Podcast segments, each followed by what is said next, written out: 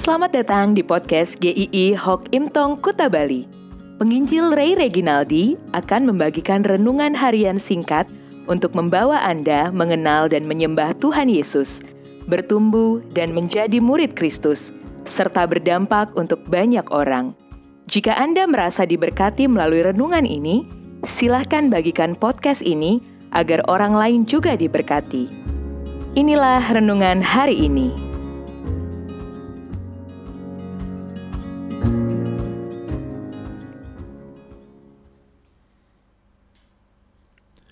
Teknologi salib 1 Korintus 1 ayat 18 Sebab pemberitaan tentang salib memang adalah kebodohan bagi mereka yang akan binasa. Tetapi bagi kita yang diselamatkan, pemberitaan itu adalah kekuatan Allah.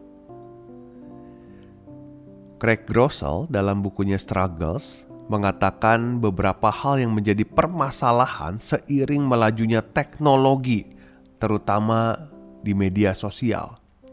Saya mengutip hanya empat saja dari buku itu. Yang pertama adalah pergumulan membanding-bandingkan. Orang sering merasa hidupnya buruk, kurang beruntung ketika membanding-bandingkan dengan orang lain.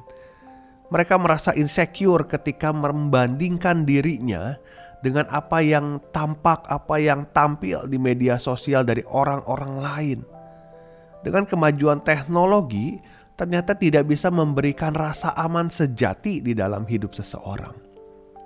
Yang kedua adalah pergumulan penerimaan.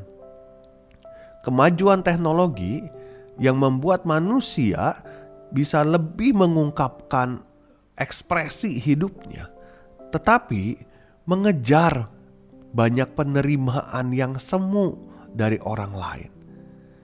Ada orang-orang yang merasa gelisah, merasa tertolak ketika postingan-postingannya hanya mendapat like sedikit. Ketika followersnya itu tidak sebanyak orang lain. Mereka merasa dirinya sangat rendah sekali. Mereka sangat gelisah. Yang ketiga adalah pergumulan dengan keotentikan pada masa ini orang bilang jadilah otentik, otentik. Tapi banyak orang yang menampilkan dirinya tidak seperti yang seharusnya ditampilkan.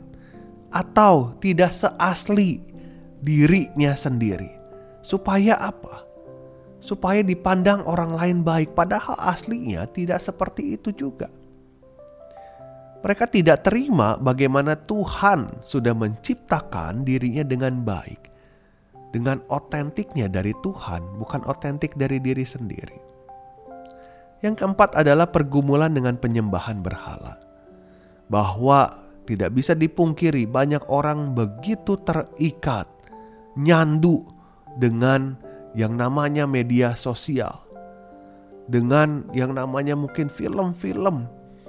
Begitu nyandunya, bukan tidak boleh, tapi ada orang-orang yang sampai nyandu, yang sampai tidak bisa lepas.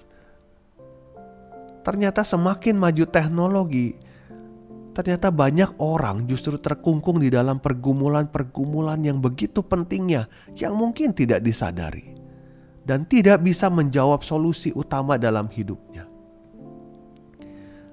Ada satu buku berjudul 12 Ways Your Phone is Changing You Dikatakan di sana kedaulatan Tuhan yang paling puncak atas kejahatan manusia menggunakan teknologi adalah salib Romawi.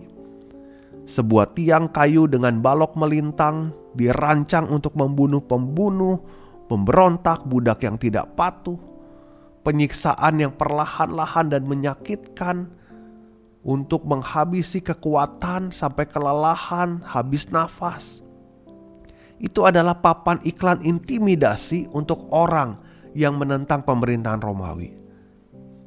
Tuhan menciptakan pohon untuk melayani manusia, tetapi manusia menciptakan salib dari pohon itu untuk menghancurkan manusia lain.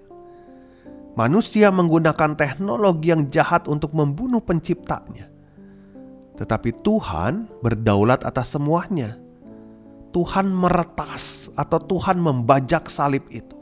Tuhan memakai teknologi salib dengan mengubah fungsinya menjadi penebusan. Kejahatan terbesar dikalahkan oleh teknologi dalam Kristus. Kemajuan teknologi sangat berguna, tetapi tidak bisa menjawab hal-hal paling esensial dalam hidup seseorang. Hanya di dalam Kristus saja ada jawaban akan hal itu. Setiap era selalu menyuguhkan satu hal-hal yang menarik, apalagi era teknologi pada masa ini. Tapi hanya di dalam Kristus Anda bisa mendapatkan jawaban atas semuanya. Rasa insecure berubah menjadi rasa aman. Penerimaan di dalam Kristus itu sempurna adanya dia menerima bukan karena performance kita, tapi karena kasih karunia-Nya. Penerimaan sejati di dalam karya Kristus. Kristuslah yang merengkuh kita dalam keberdosaan, mengeluarkan kita dari belenggu dosa itu.